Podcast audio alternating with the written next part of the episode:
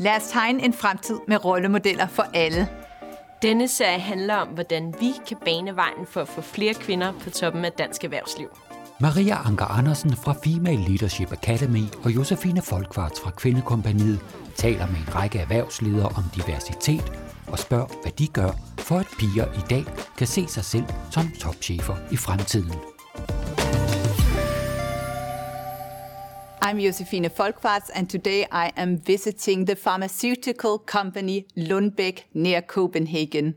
I'm delighted to have Deborah Dunsire, who is the CEO of the company, with me today. Deborah is a medical doctor turned business executive and board member. I'm so delighted to have you with me today, Deborah. I know you're passionate about equal rights and that is obviously why we are here today to find role models for Anna Sophia. So, how do you drive diversity through your leadership here in Lundbeck? Well, I think first and foremost, we hire and actually more women than than men. People who've applied for jobs here, who have the right uh, backgrounds. A lot of people in STEM, in finance, and then we work to develop equally between uh, men and women.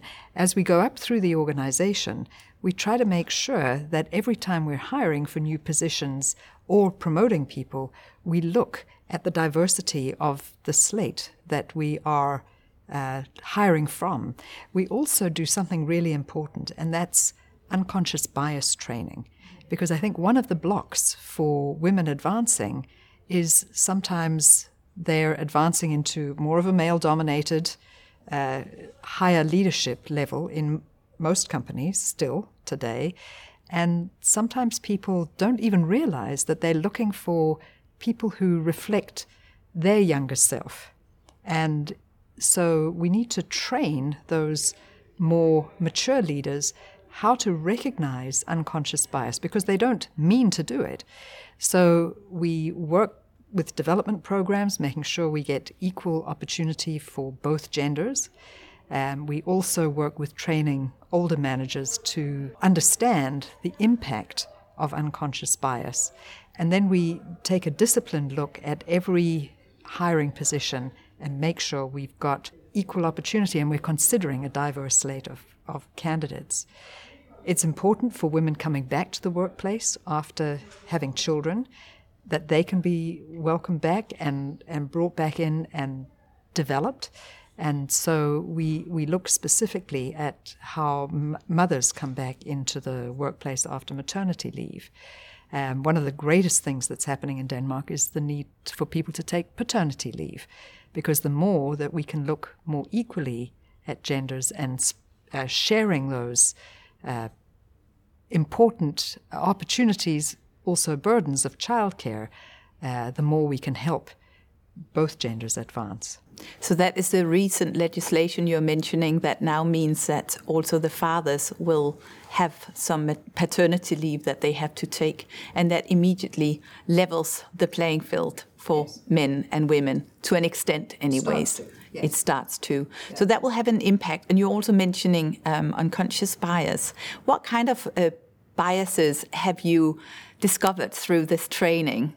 Well, the reason we do the training is because there's so much research on unconscious bias. For instance, in our own industry, if you look at venture capital, people pitching entrepreneurial ideas, if the same script pitching an idea is read by a man or a woman, the male reader will get funding at least twice three times as often as when the very same script is read by a female reader. And that's the product of unconscious bias because there's no objective difference. So we know that we need to uncover that. And so people need to, to understand when they're seeking things that look like themselves rather than seeking the, the best uh, candidate or the best uh, qualified person for, for the job. So we do the training because the research shows that there is unconscious bias. Have there been some eye openers on the way through this uh, unconscious bias training? What, how do people react to it here? Well, I think people are always surprised and they, they feel that they don't carry bias. People, and, and particularly in a, in a society that is very equality oriented and has been for many years, I think people feel that there isn't such a thing.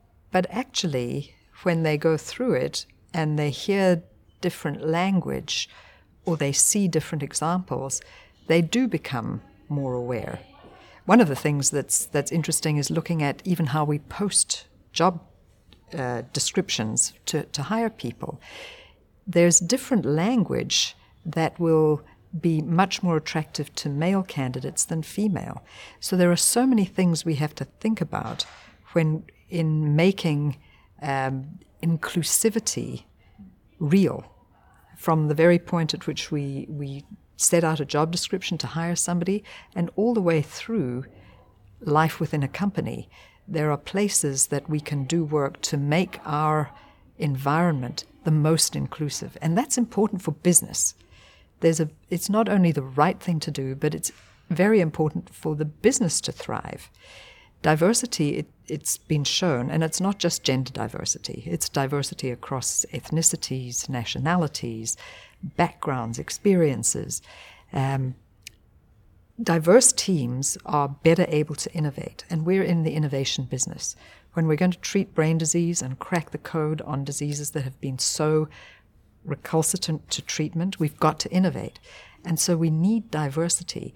And for diversity to really function and thrive, it ha- we have to create an inclusive workplace where everybody can bring their whole self to work because that's where you get their best thinking, the best challenge to uh, n- new ways of doing things, the best solutions emerging to problems that don't have a ready made solution. So, my belief in, in diversity comes from those two aspects the human aspect of the right thing to do, but the business aspect of to innovate, you need diversity. So it's a bit of a win-win when you drive diversity because of course it's the right thing to do as you mentioned but it also means that it makes business sense. Um, you get uh, more innovation. But how has your experience been here in denmark driving diversity? Because as you say uh, people often think we have it because it's a very equal society but at the same time do we well, I think that there's still work to be done. There's work to be done around the around the world. And I think what's surprising in Denmark, and I've heard about it since I came here, is that there are still fewer senior leaders and leaders of companies in Denmark that are women. There are fewer women entrepreneurs. So Denmark is still manifesting some of the same issues that have that are manifest around the world. So there's more work to do uh, in Denmark. And so, yes, that's on the on the gender diversity. The other aspect of diversity within Denmark is to be sure that we're broadening our thinking to to the globe and making sure that we've got access to to global talent with different experiences. Uh, because it's it's not only that we should create gender uh, equality, but we need that injection of other experience, other background, other thought to be able to really profit from a true diversity across all aspects.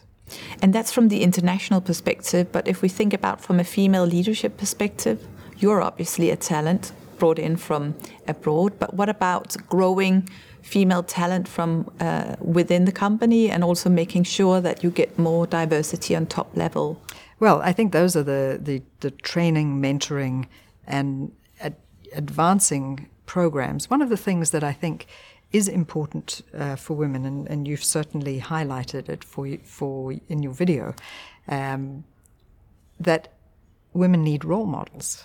Sometimes, for any minority, and at senior leadership levels, we still do have a minority um, in women. At the at the overall level of our company, we're actually more women than men when we take the whole workforce uh, together. But at the senior levels, we still have a, a, gap.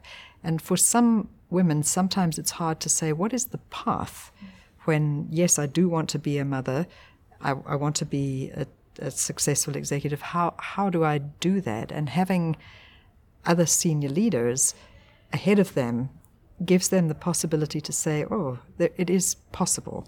So I think role modeling, uh, mentoring is, is critically important.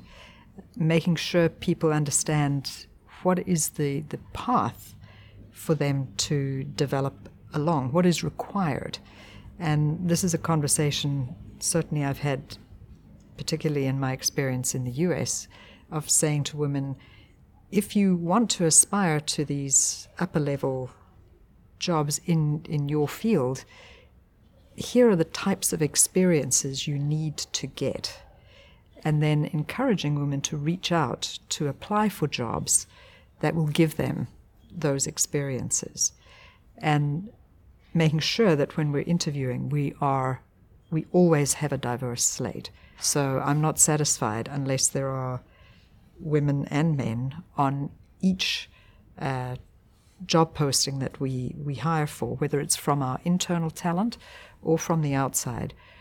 Because unless you require that managers look at both genders, you, you'll, you'll never break that cycle.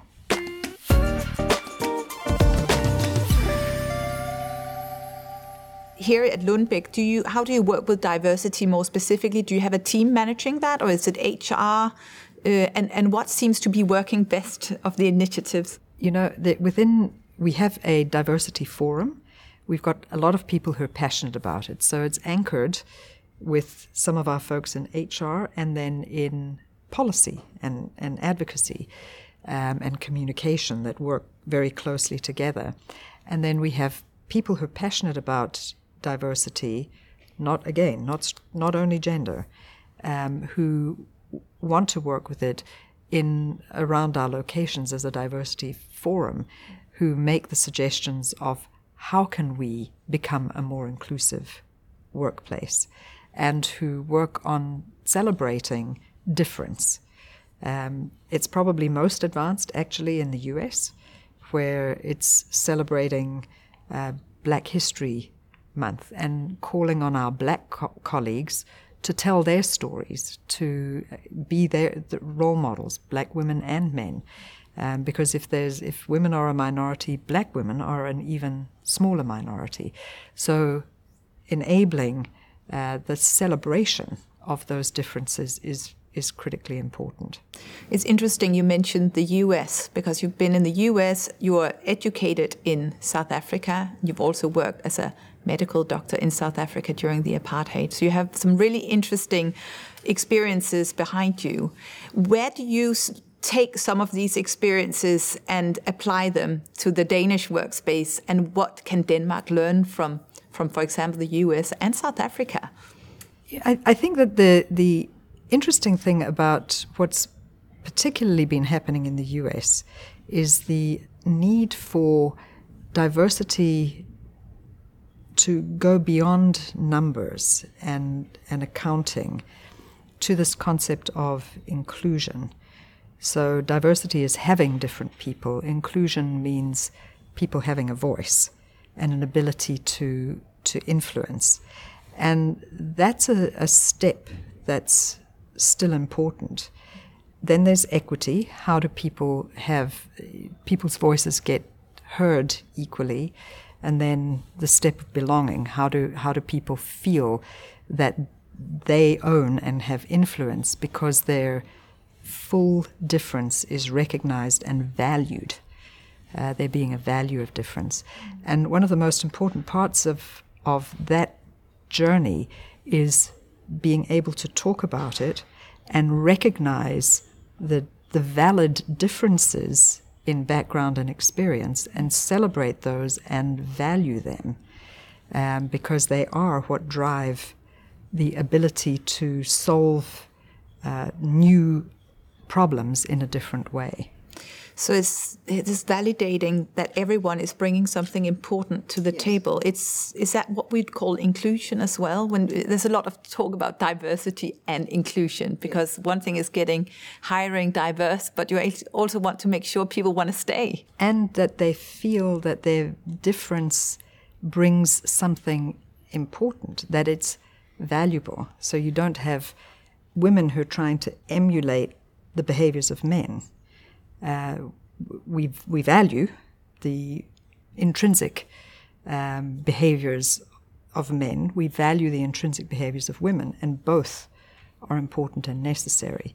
So we don't want people who are, are different than the norm, white men, right? That the norm is still in business around the world, white men. Uh, we don't want everybody to have to behave and look like that. We certainly can profit from that, but we want to value those differences. And I think, you know, drawing on, on the experience in South Africa, you know, as a child you grow up and you don't question that, that you know, there are people who are a different color that are treated as lesser.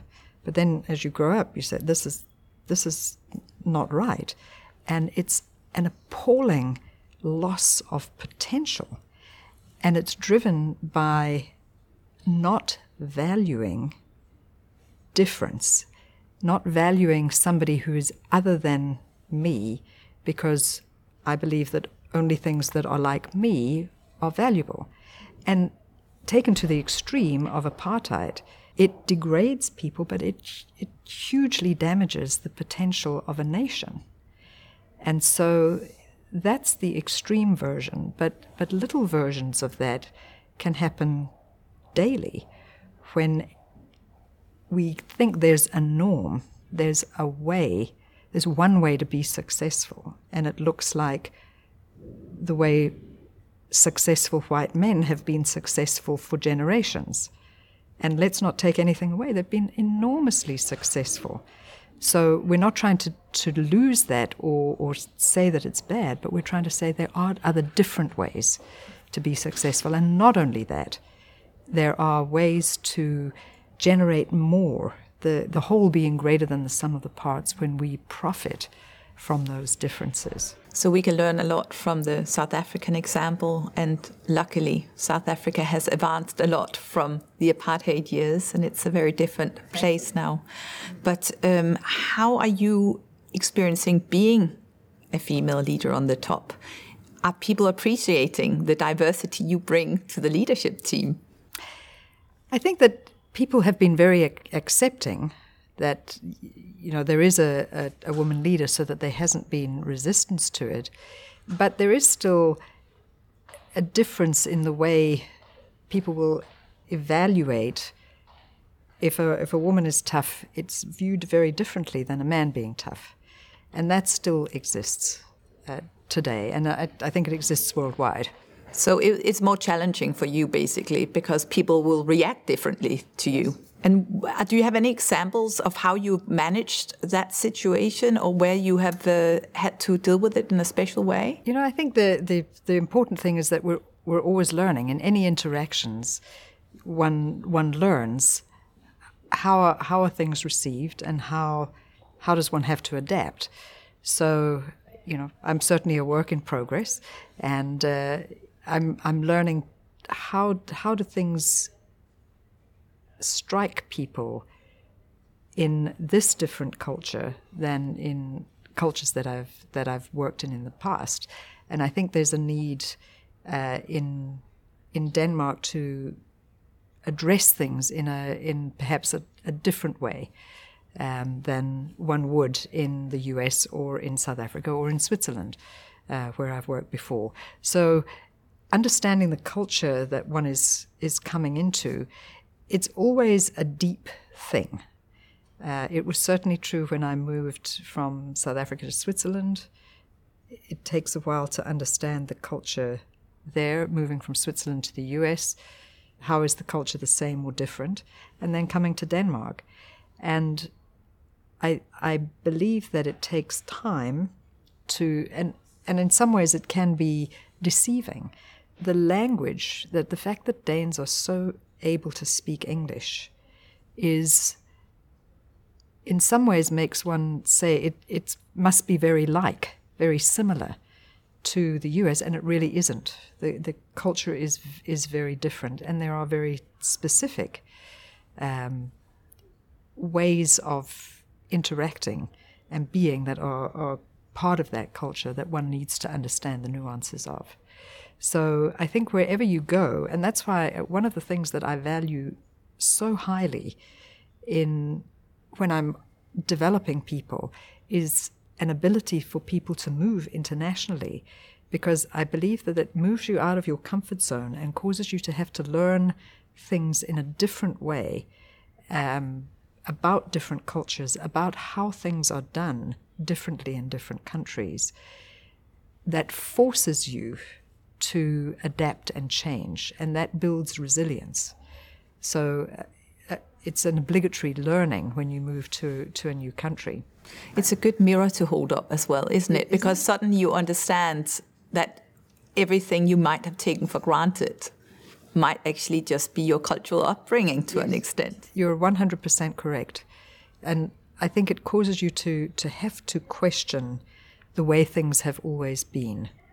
And I, I certainly learned this. I, I worked not in Japan, uh, but I traveled to Japan a lot when my company was bought by a Japanese company. And one of the key differences in, in a US biotech, everything is about speed, making decisions fast, moving things quickly. In a Japanese company, one of the key emphases is learning. And so they'd rather have more people involved in decision making, which is slower, in order that consensus is built, but also that people learn. And so you then understand that there are different ways of approaching the same goal in business depending on what is your what is your focus and that focus is largely is, is a lot driven by culture and so different cultures do cause you to question the way you've always done things and to learn that there are different ways and approaches that can also work so I'm still learning. I'm learning Danish, uh, difficult. Uh, I'm also learning the, the cultural nuances that exist here. What do you think now, having been here for a few years, what do you think other Danish top leaders can learn from the companies that you've been in, the countries that you've been in, and from you as a top leader working with diversity, particularly also with gender diversity? Well, I think there's uh, a, a, lot of the top leaders that I've met in Denmark do certainly have a, a, strong focus on diversity. So I think it is a topic that is very much in the ether, yes. if you like, uh, of Denmark. But there's still a, a questioning of why aren't we making more progress? And I think it, it comes down to what gets measured gets done and and really looking at measuring how are we doing at each level of an organization and if there's a, an imbalance why is that existing and what specific action are we going to take to try and, and change that um, because it doesn't change by itself even with all the goodwill and the good intentions until you diagnose specifically the issue and create specific action plans to address it, it won't it won't change. You need to actively drive it and make it a priority in your organization. Yes, and you have to measure it and you have to measure it across each function in the organization. You have to talk about it uh, because and it and it has to be beyond HR. Diversity is not an HR initiative, it's a business priority. Our business will be more successful when it is profiting from the diversity that exists here and it's building uh, diversity in more and different ways. So when it, people view it as a business priority, when they get measured on it, when they get assessed as leaders on, you know, how, how does your leadership team look? Why does it look like that? what are you going to do about it? Because that's, if it's completely imbalanced, that's not appropriate. What are your next steps? And I, I think when people who are winners, people who want to win, if they know that that's an expectation, they will work to win against that expectation, which is why it can't, it can't be a side issue. It's got to be part of the fabric of the everyday business in the same way that we look at financials. If you're not delivering on your financials, there's no business in the world that will question, you know, Yeah, why are you there? Then there is an issue. fix the issue. Yes. So we need to do the same thing. Look at the diversity and say, where's the issue? Why is it there? And what are we going to do about it? A lot of top leaders will say, well, it's because we can't find the women or we can't get the international talent. There'll be some excuses or reasons, fair reasons, that you don't have it. For example, in the engineering industry, we don't have as many women that choose engineering. Um, in the finance industry, there are less women who take a business degree. What is your advice to, to that challenge? And now I'm also keeping in mind that that you are a business executive, but you're not an engineer, and you, I mean, are not a scientist as such. You're a, a medical doctor, so it doesn't have to be. The journey can be sort of different depending on the person. It, absolutely. You're getting me onto a topic I'm very passionate about, which is that we've got to capture young women early. And so within schools, driving the coolness of the science, the math, uh, those underpinnings that are going to al- allow young people, right? I, I, know, I know the US better than Denmark, but I was hearing Denmark has a similar challenge. We're not generating enough young people uh, who are interested in STEM and, and particularly into computing, uh, which is, is a skill for the future. So we've got to capture them early and we've got to make the vision of what's possible and what's exciting uh, available early on. Because if you if you lose particularly young women, and, the, the, US is the place I've I've spent most of the time thinking about this because I've focused on areas of how do we why do we lose young women to STEM, and they seem to drop out in that 13, 14 age group when it becomes somehow less cool to be smart. What how, how does that happen? But we've got to fix that and and bring those those young women forward so that they have the skills to go into the universities and take those courses. So we, we fix the pipeline from from that perspective, and then when we have right now we're qualifying more women globally with PhDs, even in some of the, the STEM fields, helping them understand that there is a way to advance in a career and be the family uh, person that they want to be. And that's where role modeling, uh, career mentoring, companies understanding how to uh, address women stepping out of the workplace as they have children coming back in, the sharing of parental leave, evening the playing field, making sure we've got gender pay equity and ensuring women don't fall behind in the pay gap because that also causes families to choose different paths if they've got one high earner in the family and one low earner. So we've got to make sure there's gender pay equity. There's so many avenues that we need to to act on to make sure that we've got the talent. But the excuse of we can't find the women is just nonsense. Because they're there, and you've just mentioned that they are in the PhD positions. So, but drive, making sure we bring them into the business field.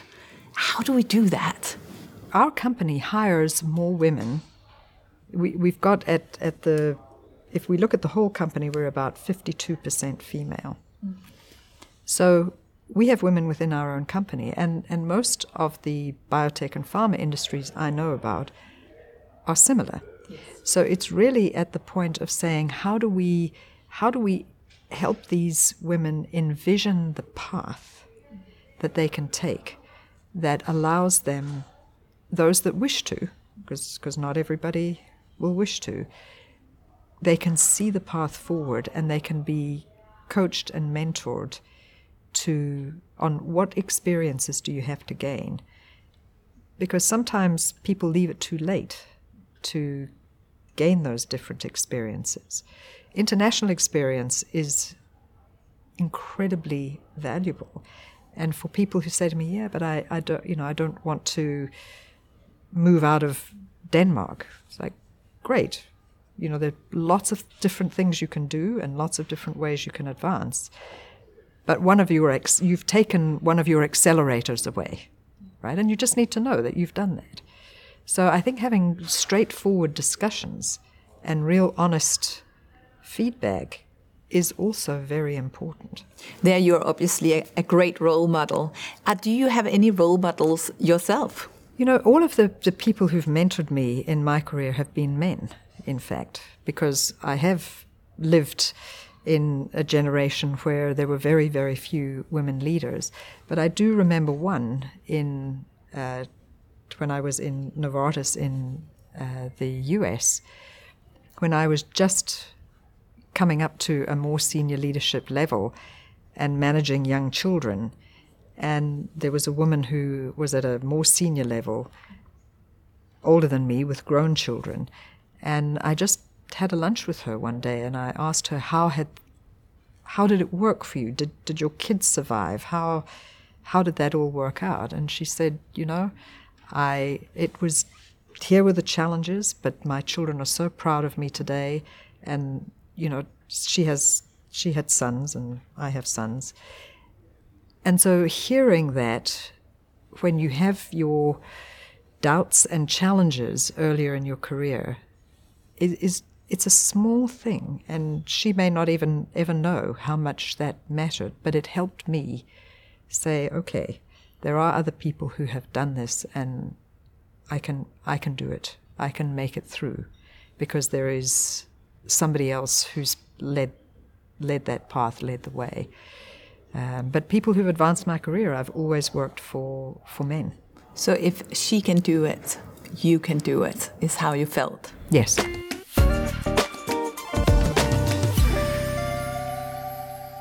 So role models are so important, and um, and that's obviously also our pursuit uh, with this particular campaign.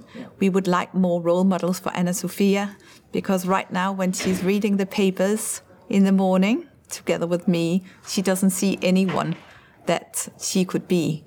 And maybe when she's at school, she'll see a lot of teachers that she could be, and it basically limits the playing field. Yes, it starts to push direction very early on. Do you have any last piece of advice for any other companies who want to drive diversity internally? Make it a business objective if you your your people are the lifeblood of your business. The finances enable people to make the business happen. So making sure you have the best ability to draw all that your people have to give is a business imperative. And diversity and inclusion is a key enabler and unlocking of that human potential. So it's imperative for the business. So talk about it, prioritize it, measure it, and be relentless about consistently doing that, and things will move. And then don't make excuses that there are no women. If you have leaders with under you who tell you that well, we couldn't find any qualified women, then send them away until they do when they're interviewing for an important role because it simply means they haven't looked far enough. They haven't been creative enough. Really great piece of advice to finish on today. Thank you so much, Deborah Dunsire. You are the CEO of Lundbeck. And thank you for joining. Remember, there are many more episodes and interviews to come. So do find us on your social media platforms or on our campaign website, which is rollemodellerforalle.dk. I har lyttet til et interview i serien, hvor vi sætter fokus på diversitet, rollemodeller og kvinder i ledelse. Serien er en del af kampagnen Rollemodeller for alle, der er lavet samarbejde mellem Female Leadership Academy og Kvindekompaniet og produceret af Inspire Film. Du kan se mere på hjemmesiden Rollemodeller for alle, hvor du også finder andre interviews. Du kan også deltage i debat på Facebook, Instagram og LinkedIn.